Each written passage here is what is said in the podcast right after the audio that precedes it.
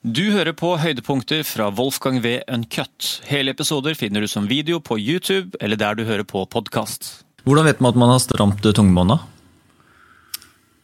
Det er mange som ikke vet det. Jeg visste det jo ikke før jeg fikk barn med det.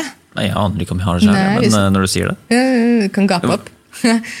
Og så kan du løfte tunga di til rett bak fortennene her. fortenna her. Mm her? Ja, det er litt, eh, du har bitte litt kompensasjon i nakken. Vi ser at det strammer seg bitte litt her. Eller vi har ny sjanse. Mm. Er det alt du kan gape? Ok, Jeg har For hvis jeg gaper alt jeg kan nå, og Ja. løfter tunga opp Aha. Så er du helt uten problemer at jeg klarer å løfte tunga helt opp. da. Ok, Så jeg har sett strammere tungebånd enn det du har. heldigvis. Så altså, det er jo mange av mine klienter altså, De fleste velger jo egentlig ikke klippe fordi at de blir kvitt symptomene. Men noen har såpass stramt at det går utover funksjonen. For du kan allikevel ha alle symptomene på stramt tungebånd uten å ha stramt tungebånd, for det kommer jo til syvende og sist ut fra funksjon. Så hvis tunga di ikke fungerer korrekt, om det er stramt tungebånd, om det er et produkt av smokk, tommel, flaske eller whatever, så vil du fortsatt ha de symptomene.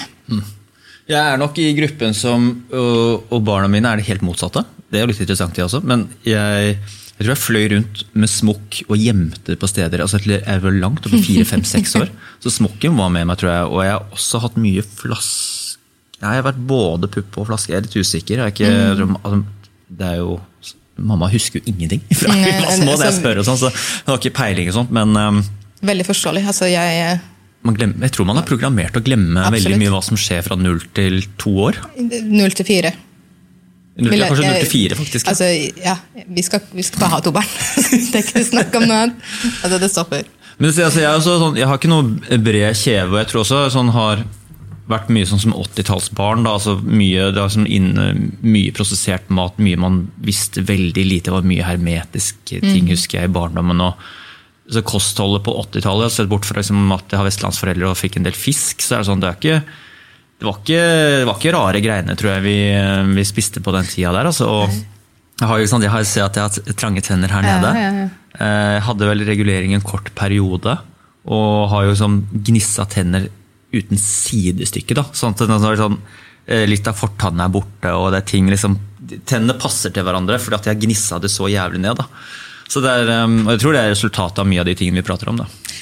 Eh, Ofte så er jo gnissing et luftveisproblem.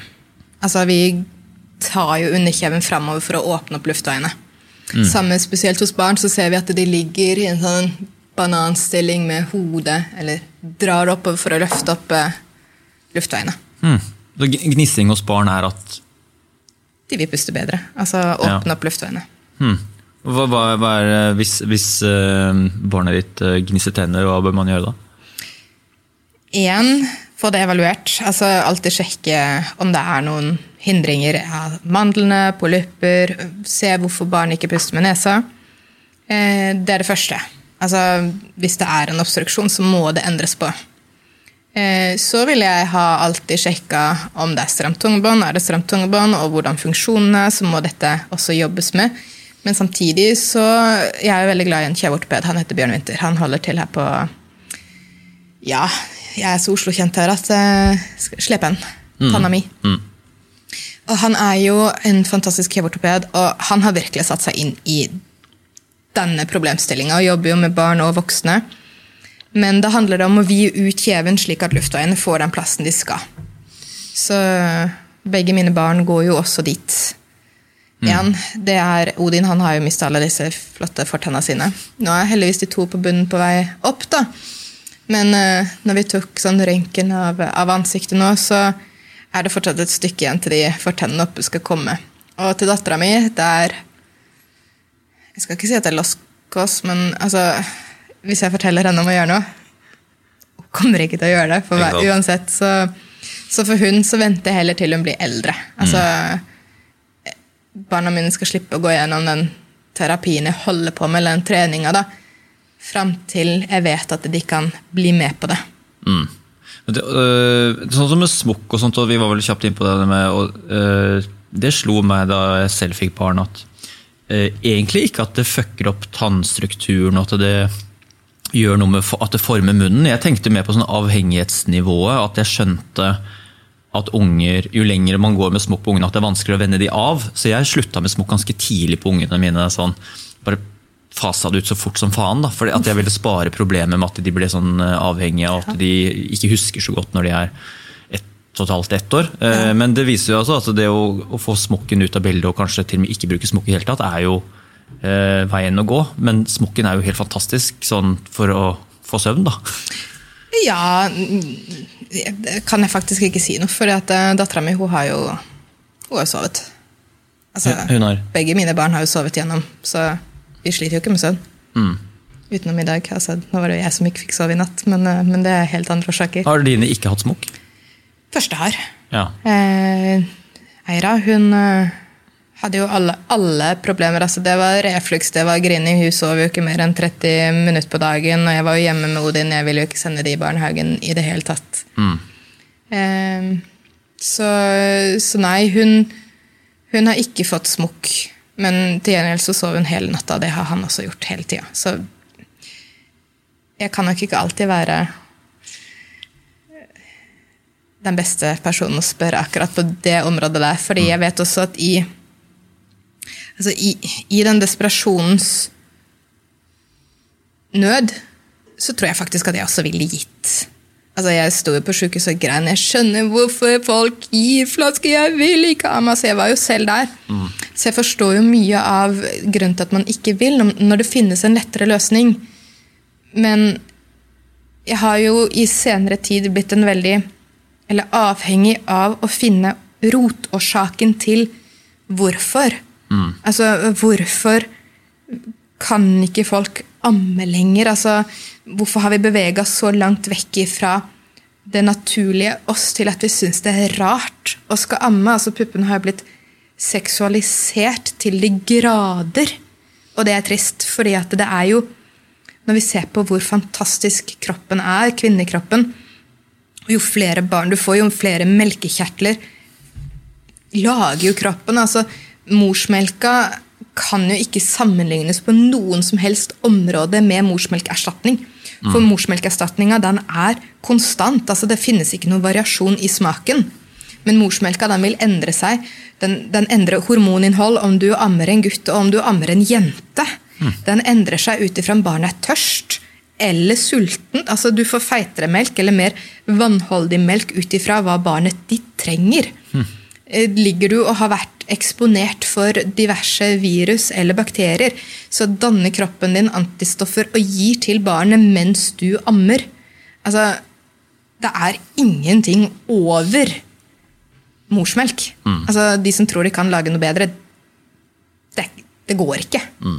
Det, det jo litt, hva syns du om den debatten som har, som har rulla litt i, var vel tidligere i år, eh, som stadig kommer igjen, at det er sånn Det er at denne her eh, det Følelsesaspektet kommer liksom inn i debatten med at man, eh, at man kvinner føler seg skambelagt, at de ikke får til å amme. At, skal, eh, at sykepleiere har jo jeg, jeg tenker også litt som rette at de pusher så, så langt det lar seg gjøre til at man prøver å få morsmelk i barna, og så sier man Uh, Morsmelkerstatning har vist seg det funker på. Jeg har vokst opp med det. Se på jeg ble et menneske, jeg også. også. Ja.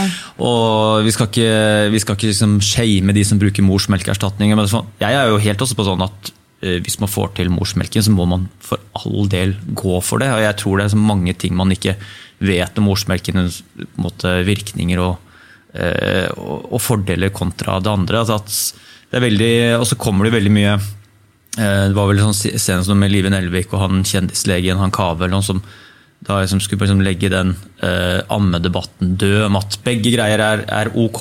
Eh, og så er liksom ikke lov til å diskutere så veldig mye mer, for da blir det sånn her eh, at mødre føler seg shama og sånt. Eh, hvis du har fått med deg den runden der? Ja, jeg har jo fått det med meg. Altså, Jeg har jo amma mine egne barn, og jeg vil jo si at jeg kan absolutt forstå at eh, folk føler seg pressa til å amme, men, men jeg vil også si at det er iboende i oss. Altså, Samme som at vi ønsker å reprodusere oss. Altså, det er jo en, en drive vi har, så det handler om å beskytte vårt, vårt eget barn. da. Og jeg kan også se at det er sårt. Eh, at kanskje ikke alle, alle forstår hvor sårt det faktisk er. Men jeg husker når Odin var tre måneder, og jeg fikk spørsmål av helsesøster om jeg fortsatt amma på natt. Og da var det mest naturligste spørsmålet ja, himmel og hav. Så klart. Herregud, han er tre måneder. Han har ligget inn i magen i ni måneder, så skal jeg bare avvise ham på natt, liksom. og da sa hun det at ja, men du kan bare gi grøt. Og jeg mener, ja, Før han skulle sove, da, for da var han lengre mett. Sånn, ja. Og altså, det er så klart en kjempebrannfakkel å skal si dette med amming, for det er virkelig folk som ikke får det til. Men jeg tror også mye handler om at folk ikke er opplyste nok, spesielt om dette er med stramt tungebånd, for det skal ikke være smertefullt å amme. Det skal ikke være vanskelig å amme. Det skal ikke være problematisk å amme. Er det problematisk, er det smertefullt, så er det jo en underliggende årsak. Og når en helsesøster klarer å sitte og si at det det er helt normalt med kolikk, så kjenner jeg jeg hørte det sikkert på stemmen, at det, det kommer et sånt lite indre raseri. At nei, det er ikke normalt at et barn skal ha vondt i magen. Det er ikke normalt at et spedbarn skal ligge og grine i tre timer, eller tre timer om dagen i tre uker i tre måneder, eller hva nå kolikkgreia er. Finn heller årsaken, istedenfor å bare normalisere ting. Og nå har jeg helt ærlig ikke giddet å begitt meg inn på en debatt med Nelvik, og jeg syns alt som heter mam, am, nei, mamming foran amming personlig er ikke noe for meg. For jeg valgte jo faktisk å få disse to barna. Så, så for meg personlig så har det jo handla om å, å gi dem det beste jeg kan. Og mine barn er så små, en så liten del av livet. Så, så det har ikke vært altså jeg, jeg har ikke følt at jeg har ofra noe for å amme dem. Eller vi reiste jo ned til London for å klippe tungebånd til Odin, for det var jo ingen i Norge som kunne gjøre det her, og til Nederland, fordi at det, det var fortsatt ikke noen folk i Norge som var gode nok på det her. Men jeg har aldri opplevd det som en, en ofring, eller noe sånt, men jeg skjønner jo at ikke alle kan det. Fordi vi, vi har det jo greit. Altså, vi, vi har muligheten til å gjøre det. Men det er så viktig at informasjonen her i Norge kommer ut.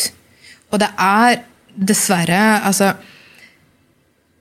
det, det er så mange som tror de kan dette med å klippe stramt tungebånd, men de så de klipper liksom bare den der fremre delen av tungebåndet som vi ser, men de har ikke nok kunnskap til å se hva funksjonen av tunga er når en ammehjelper eller helsepersonell eller helsesøster sier ja, men ammetaket ser fint ut, så tenker jeg bare sånn ja faen, har du røntgensyn du eller? For de ser jo ikke hvordan tunga jobber inni munnen. Og når en lege bare klipper tungebåndet, jeg har ikke noe tro på det, og så merker ikke mor noen ting bedring på det, så har de ikke klippa nok. Altså, du må se kroppen i en helhet. Det er ikke bare en tunge. Altså, det, er, det er bindevev, masse bindevev under tunga også som må jobbes med. Men hva er det du sier at det er det i hovedsak tungebåndet som er årsaken til mange av disse ammeproblemene vi ser? Ja, det vil jeg si. Altså, nå, nå er jeg bastant. Mm. Veldig bastant.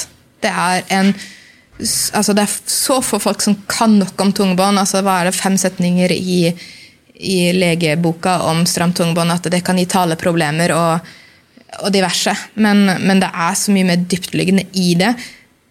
Men, men da må vi se på den nyeste forskninga, ikke her i Norge. Altså, vi, vi må faktisk ut til verden. I Brasil så har du en nyfødt-screening på absolutt alle barn nå. Hvordan er tunga? De klipper der og da. Sånn er det jo ikke her. Her får vi ofte beskjed om nei, det er litt stramt. Altså, jeg er ikke bare litt gravid. Jeg er ikke bare litt jente eller dame. Altså, enten så er det stramt, eller så er det ikke stramt. Enten så har det gått utover funksjonen, eller så har det ikke gått utover funksjonen. Men det kan jo være nyanser her på hvor stramt det er. Det er vel ikke, sånn, det er jo ikke null og én, liksom? Nei, nei, nei. Men enten så er du affektert av det, eller så er du ikke affektert av det. Er det et ammeproblem, da er du affektert. Er det kolikk, svelger masse luft, da er du affektert. Gulper du, da er du affektert. Men det kan også være altså F.eks. melkeproteinallergi kan jo også være en årsak til det. Så det er hele tiden helheten. Så man skal ikke være så bastant med at ok, tungebåndet er problemet til alt. Fordi det er det ikke. Så, så helheten må jo ses, men kunnskapen må absolutt økes mye mer enn det det er på dags dato. Så tunga eh, forhindrer da at, de, at at spedbarna greier å liksom suge seg fast i puppen og lage det nødvendige trykket for å liksom hente ut Ja, vakuumet. Fra, ja, vakuumet for, å, for å hente ut melken. Ja. Så mange vil jo kunne svelge masse luft underveis, vri seg litt unna, noen sovner ved brystet. Dattera mi spydde jo flere meter ut i lufta, så det var jo så forferdelig. Og jeg valgte jo å tandemamme, altså jeg amma Odin, når jeg var gravid, og fram til Eira var et år. Fordi jeg visste at det kom til å gå utover melkeproduksjonen min.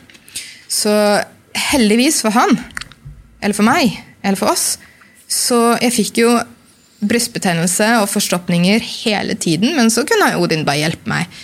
Men når Eira var tre måneder, så gikk jeg ned på helsestasjonen og bare sånn Jeg, jeg visste jo hva problemet var.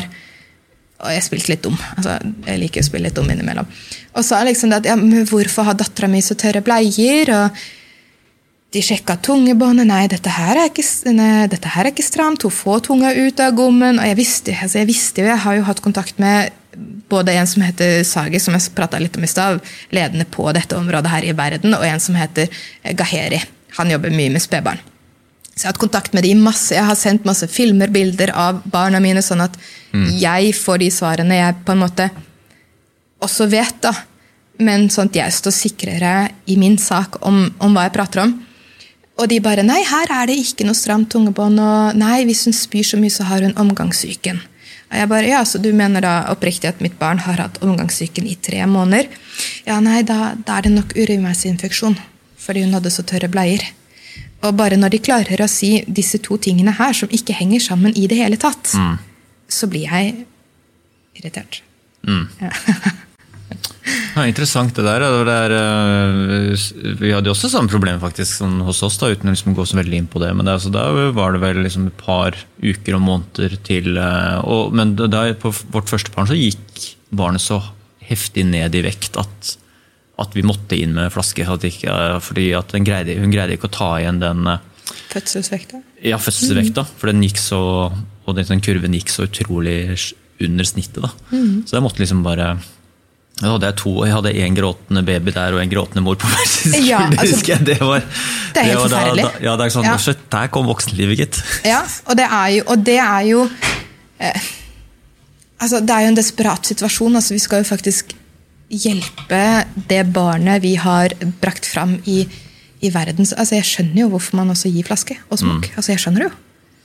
Men det betyr ikke at det er optimalt. Og når man da ikke har informasjon om hva som er optimalt, så kan man ikke ta reflekterte valg. Altså, jeg hadde helt sikkert eh, ikke gitt sønnen min smokk den dag i dag. Og jeg hadde helt sikkert ikke gitt han morsmelkerstatning på sykehuset den dag i dag. Altså, det gjorde de jo eh, Ja. Det er en helt annen historie, egentlig. Men, men jeg hadde nok tatt veldig andre valg den dag i dag hadde jeg visst det jeg vet den dag i dag. Det tror jeg også at vi har gjort. det. Og jeg tror nok de fleste hadde tatt andre valg hvis de hadde visst dette her, som mange av oss nå i Norge sitter på. Problemet er det at det er så mye som har blitt normalisert. Og det er jo også en trøst for oss. altså, ja, men jeg ble fortalt det, at det var greit. Og, og så klart så gjør man jo det beste man kan med denne informasjonen man har, når man trenger den. Men for meg personlig så handler det helt innom at jeg kan bli bedre. Jeg kan gjøre bedre. Så selv om det jeg vet en dag i dag, altså hvis jeg får vite noe annet i morgen, så gjør jeg jo alt jeg kan for å finne ut av det. Så jeg, jeg endrer jo mening underveis, da. Fordi forskninga og kunnskapen utvikler seg hele tiden. Mm.